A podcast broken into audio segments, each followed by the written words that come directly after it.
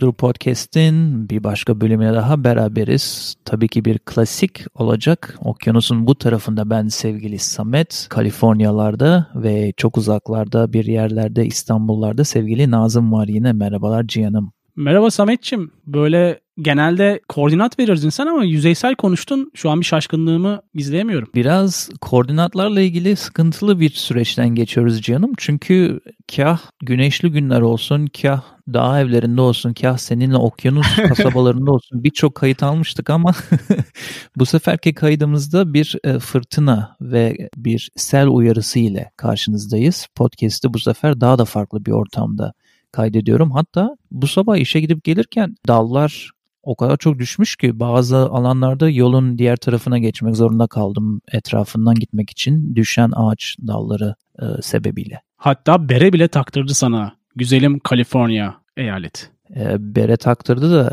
bere de Scrimshaw beresidir. İlgilenenlere bir bira bölümü çekmiştik. Sanki yıllar yüzyıllar önce gibi geliyor şu an tabii. Çok eski bölümlerden biridir o da orada biraz biralanmak isteyen insanlar için güzel bir bölüm. Neyse lafı uzatmayalım da Cihan'ım şimdi ne diyeceğim ben sana? Çocukken e, İsviçre'de özellikle çocukken bu MTV'nin revaçta olduğu hatta tek kanal olduğu müzik anlamında zamanlarda e, bir klip çıkardı televizyona. E, tabii ki de biz çocuk olduğumuz için daha kolay etkileniyoruz her şeyden ama orada bir grup vardı. Grubun adı da Die Totenhosen idi. Geçen bölümlerde biliyorsun tepki gelmiş İngilizce çevirmesine gerek yok biz anlıyoruz diye. Bu Almanca olduğu için Almanca servisine geçtik. Şimdi Almanca tercümanlığımı yapayım. Ölü pantolonlar anlamına gelen bir rock grubuydu. Neyse bu Harika. grubun şarkısının adı Bonnie ve Clyde idi Cihan. Ve hmm. e, modernize etmişler Bonnie ve Clyde'ı ve günümüz e, zamanında bir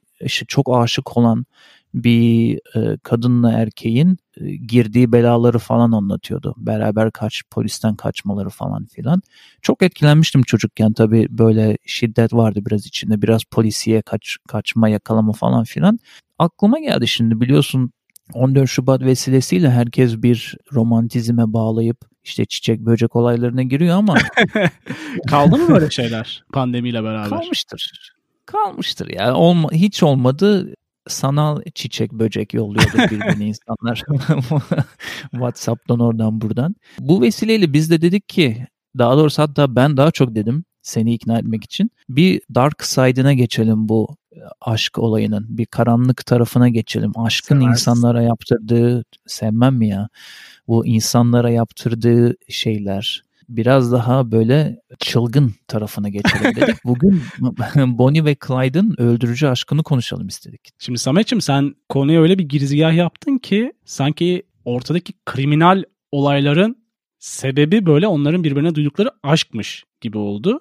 Dinleyici de böyle bir sanki bir beklenti yarattın. Şöyle şundan yarattım Cihan'ım. Bazı insanların yaptığı araştırmalarda ki bunu başka e, katillerle de örneklendirmişler. Hibristofobia diye bir durum varmış ve bu durum aslında aşk doğru diyorsun aşkla çok alakalı olmasa da insanların bir tehlikeden, bir gerginlikten veya bir suçun ortaya çıkmasından, bir baş kaldırıdan cinsel bir erekte olma durumu varmış. Aslında bu hani kanıtlanmış bir durum ve bu konuda Bonnie ve Clyde o kadar ünlenmişler ki bu dediğim hibristofobiyaya Bonnie ve Clyde sendromu deniyor artık aynı zamanda literatürde. Tabii hatta Ted Bundy, Charles Manson gibi insanların da bu hibristofobiyadan e, etkilendiğini düşünüyorlar. Hmm. Şimdi aslında aşkın kendisi olmasa da aşk ile karışmış bir şekilde bu çiftin giriştiği olayların aslında onlara seksüel anlamda ve işte birbirine olan aşkları anlamında da birazcık gaza getirdiğini söylemiş olalım en baştan. Tabii ki de sırf hı hı. biz birbirimize aşığız hadi gidelim yakalım yıkalım anlamında bir durum yok.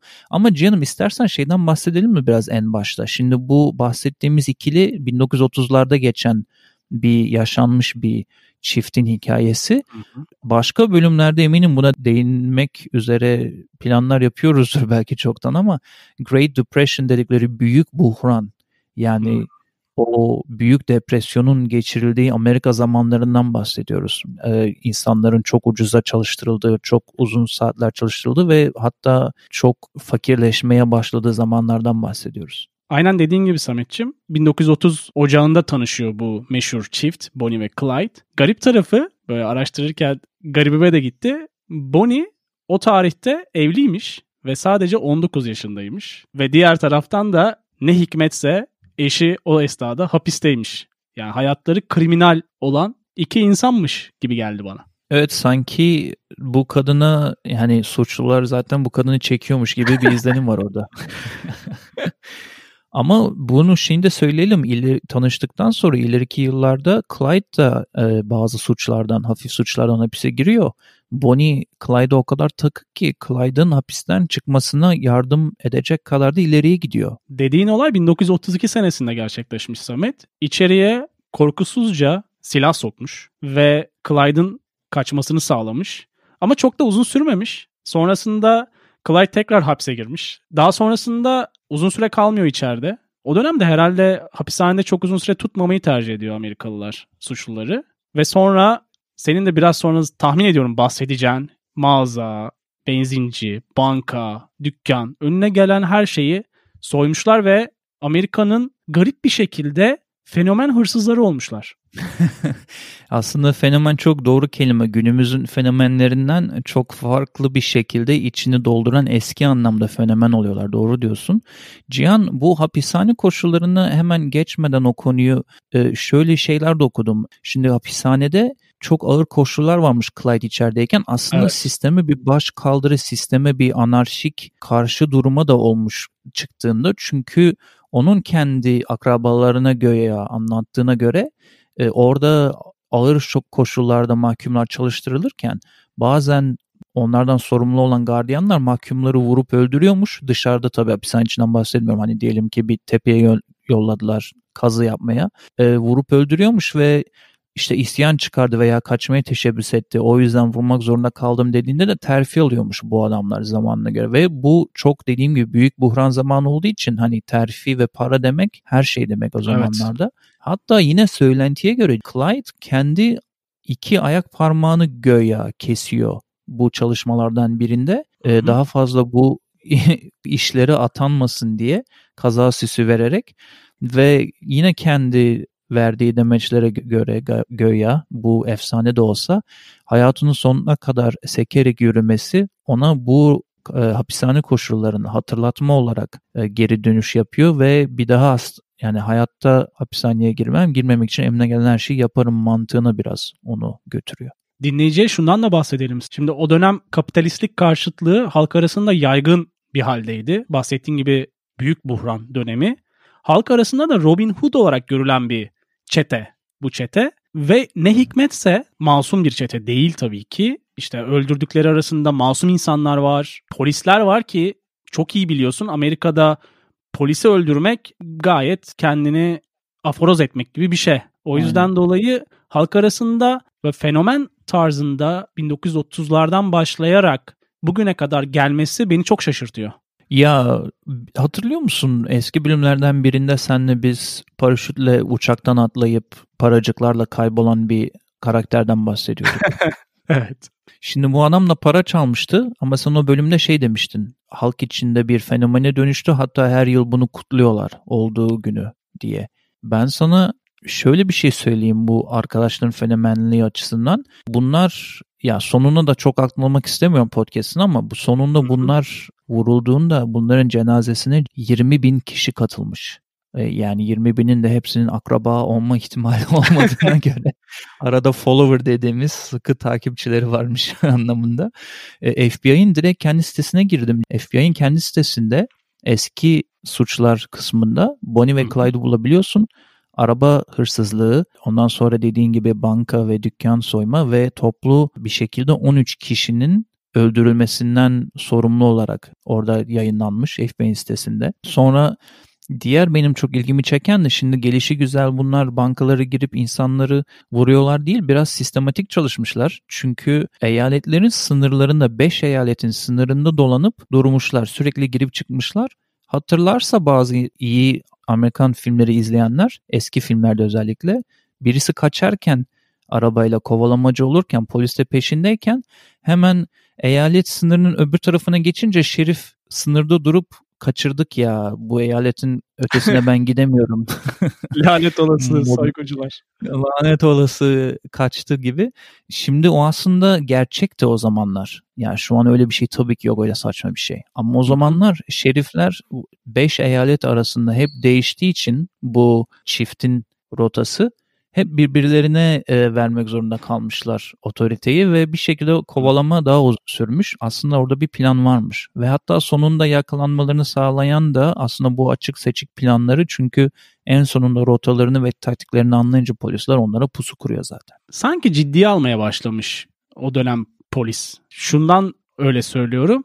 Şimdi 1930'lu yıllarda 30'un ocağında başladı dedik. Hikaye aslında 4 seneye yakın sürüyor. Yani çok hızlı yaşamış bu ikili. Sanıyorum Texas olayı ciddiye alıp artık biz bunu durduralım çünkü bahsettiğimiz Bonnie ve Clyde yolda insanları durdurup değerli eşyalarını alıp onları kimi zaman da öldürüyormuş yani durup dururken. Bayağı eşkıyalık yapıyorlarmış 1930'ların ortalarına doğru. Biz bu işi çözelim demişler. Bayağı zaten çok değişik bir yüzbaşını atıyorlar bu işi çözsün diye. Onunla da direkt bağlantılı gibi Samet.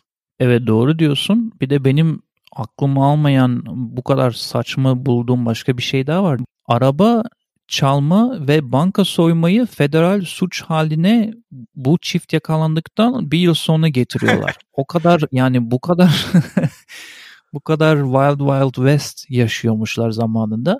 Bir de benim dikkatimi çekti şimdi 1930'lardan bahsediyoruz. Dedim ki o zaman FBI ne zaman kuruldu? Bu kadar acemi, acemi miydi? Niye yakalayamadı?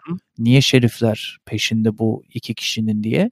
FBI bundan yaklaşık 25 sene önce falan kurulmuş işte bu olaydan. Yani çok da böyle deneyimli ve oturmuş bir FBI'dan da bahsetmiyoruz dediğin gibi. Hatta eyalet olarak Texas'ta bu gazeteleri sürekli ana sayfada çıkmaya başlayınca ve hatta sana şunu da söyleyeyim. iki tane sebebi var bu insanların bu kadar ünlenip günümüze kadar film, müzik ve minimum başka sanat dallarında hala çıkmalarının iki sebebi var. Bir, bunların yakalanma şekli. Oraya ayrıntıyla geleceğiz şimdi. Hı hı. Diğeri de bazı bankalardan çıkarken soygundan elinde shotgun veya otomatik tüfek olan ama üzerinde hanım hanımcık eteği, işte desenli eteği bilmem nesi olan bir kadın görüyorlar. Dolayısıyla bu çok ütopik bir görüntü o zamanın Amerika'sına göre. Yani Bonnie'den bahsediyorum. Bonnie aslında az önce bahsettiğim gibi bir, bir anlamda bu şiddetten, bu heyecandan, adrenalinden kendi kendine daha da fazla e, bağımlılık yapıp nemalandığı için hem hanım hanımcı giyiniyor hem bunları yapıyor. Gazeteleri bunların resimleri çıkınca işte Bonnie şöyle bir kız diye insanların dikkatini çekiyor. Çünkü normalde alıştıkları haydut portresine çok farklı bir çizimi var. Bence biraz da ondan senin dediğin halk kahramanı veya fenomen klasına girmiş olabilir. Çünkü dönüp baktım ya dedim hani çaldıklarını fakirle mi paylaşmış ya da aldığı paracıkları dağıtmış mı meydanda? Anlatabiliyor muyum? Yani polis öldüren tamamen masum insanı gelişi güzel öldüren insanlar bunlar. Nereden geliyor bu sempati ve hiçbir şey bulamadım Cihan. Bilmiyorum sen buldun mu? Ya zaten hani biraz önce söylediğim Robin Hood ünvanını hak edecek herhangi bir şey var mı diye ben de baktım dediğin gibi. Öyle bir şey yok. Ama bir algı yönetimi olmuş 1930'larda. İstersen yavaştan nasıl yakalandıklarına doğru yol alalım. Biraz önce de bahsettiğin gibi FBI'ın çaylak olduğu dönemler ve ne yapacaklarına tam olarak karar vermedikleri dönemler bu ikiliyle alakalı. Ama iyice zıvanadan çıktıklarını belli ettikten sonra 23 Mayıs 1934'te FBI sonunda diyor ki 6 kişilik bir polis ekibini kuruyoruz ve bunların başına da gayet sicili kabarık bir yüzbaşı olan Frank Hammer'ı koyuyoruz ve biz bunları yakalıyoruz. Hedef bu. Ve bunu 23 Mayıs 1934'te gerçekleştiriyorlar. Ve istersen orada biraz sana e, sözü verelim ayrıyetten ayrıntıları için. Çünkü de, az önce bahsettiğim ikinci sebep onların bu kadar yıllarca 30'lardan günümüze kadar gelmesinin sebebi de aslında orada akıl almaz bir şekilde belki de polislerin nefretini e, kurşunlarla kusmaları diyebiliriz herhalde değil mi? Dediğin gibi sonuçta polisin yapması gereken suçluyu yakalamak. Ama ona pusu kurduğu gibi onu kurşun yağmuruna tutmak değil. Aynen. Lakin Bonnie ve Clyde'ın başına gelen şey tam olarak bu oluyor ve polis onlara pusuyu kuruyor. Biraz önce de bahsetmiş olduğum yüzbaşı Frank Hammer'ın önderliğinde bu ikilinin aracını adeta kurşun deliğine çeviriyorlar. İnanılmaz bir sağanak kurşun yağmuru sonrasında meşhur çift ölümsüzleşmiş oluyor bu polisler sayesinde. Evet rakamlarla vermek gerekirse bu pusunun sonuçlarını 112 adet kurşun arabaya denk geliyor, isabet ediyor ve 17 tane kurşun Clyde'ın vücuduna denk gelirken 26 tane kurşun ise Bonnie'nin vücuduna isabet ediyor. Ya düşün burada aklım şeye gitti bir anda şimdi. Burada yıllar önce elleri havada elinde silah olmayan çocuğa polis yedi kurşun falan sıkmıştı gereksiz bir yere. Amerika'da bir yerde bir evet. eyalette e, yer yerinden oynamıştı. Hani bir tane sıkıp yaralayabilirdin gibilerinden. Burada 112 tane e, silah kurşunu bulunuyor ve otomatik şimdi şöyle bir şey de var Cihan bence dediğim gibi polisleri bu kadar öldürmelerinin nefretini bu yakalayan polisler e, kurşunla kusmuş olabilir. Çünkü e, otomatik tüfeklerle başlıyorlar daha sonra shotgunlarla devam ediyorlar. Onları da boşalttıktan sonra ellerindeki tabancaları da boşaltıyorlar bu arabanın üzerine. Daha sonra bu araba ünleniyor bu arada. Öyle de ilginç bir durumu da var. Ben şeyi okudum o operasyona katılan pusuyu kuran polis memurlarından birinin söylediklerini okudum. Şey diyor işimizi şansa bırakamazdık ve elimizde ne kadar mühimmat varsa, silah varsa, mermi varsa hepsini onların üstüne boşalttık şeklindeydi.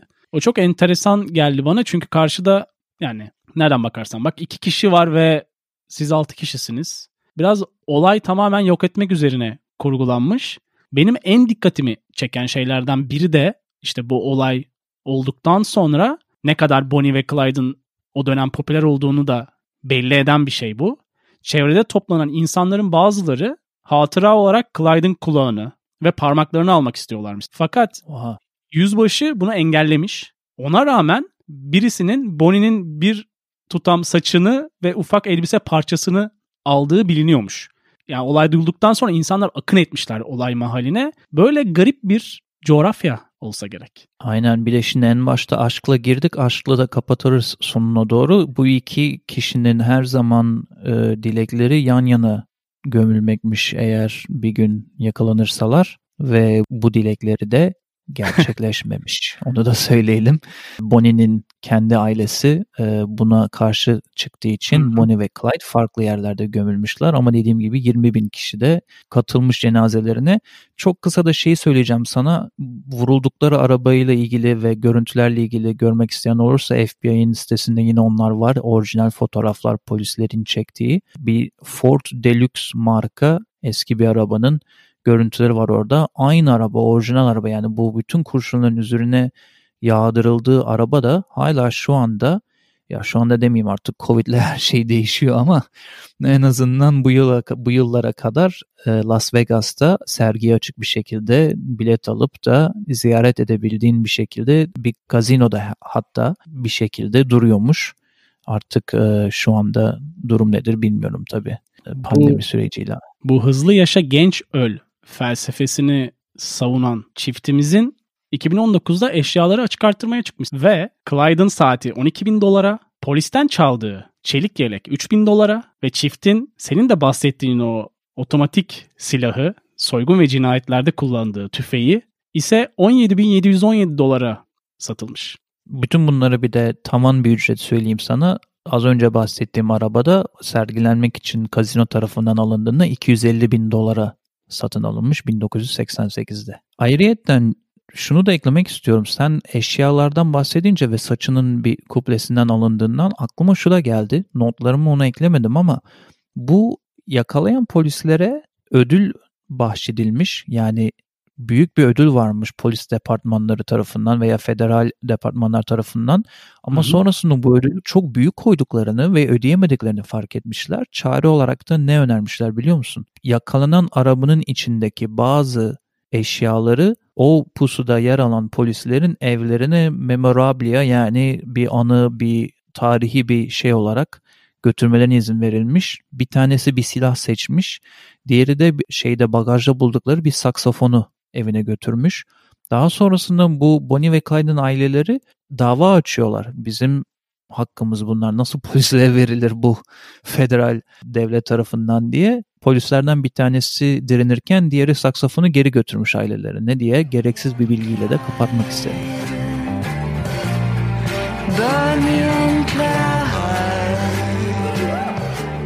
Ne öneriyoruz kısmıyla bir kez daha sen dinleyenin karşısındayız. Ne yapıyoruz? Bu bölümde bir şeyler öneriyoruz. Bakalım Samet bugünlerde bize neler önerecek? Uzun zamandır bahsetmiyordum. Bir tane podcast önereyim diyorum. Bu Bonnie ve Clyde vesilesiyle bakarken başka bölümlerine de sardım. Gayet düzgün bir şekilde yapılmış Female Criminals podcast. İngilizce podcast dinlemeyi sevenler veya İngilizce dinleyip de bir şekilde kendini geliştirmeye çalışanlar için Female Criminals podcast'i tavsiye ederim. Bir de senin daha önceki ne öneriyoruz bölümlerinde bahsettiğin Sedef Sebüktekin'in Keyfim Yerinde diye yeni bir şarkısı var.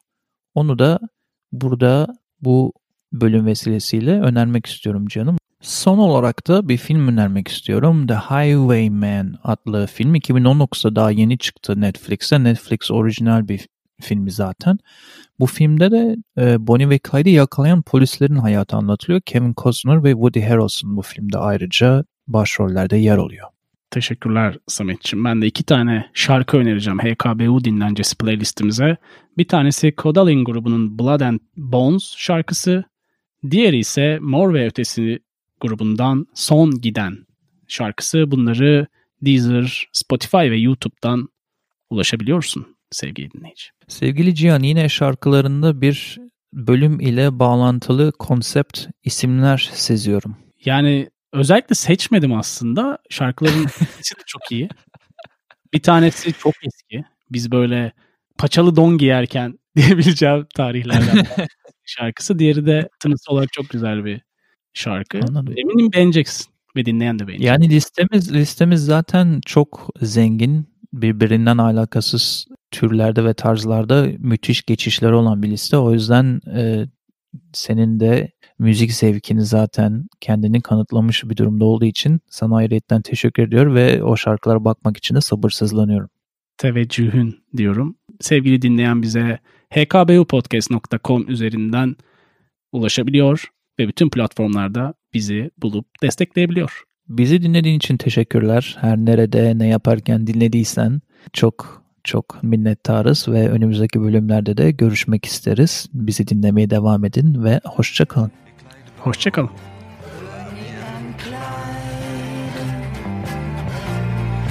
Bonnie and Clyde. Moi, lorsque j'ai connu Clyde autrefois, c'était un gars loyal, honnête et droit. Il faut croire que c'est la société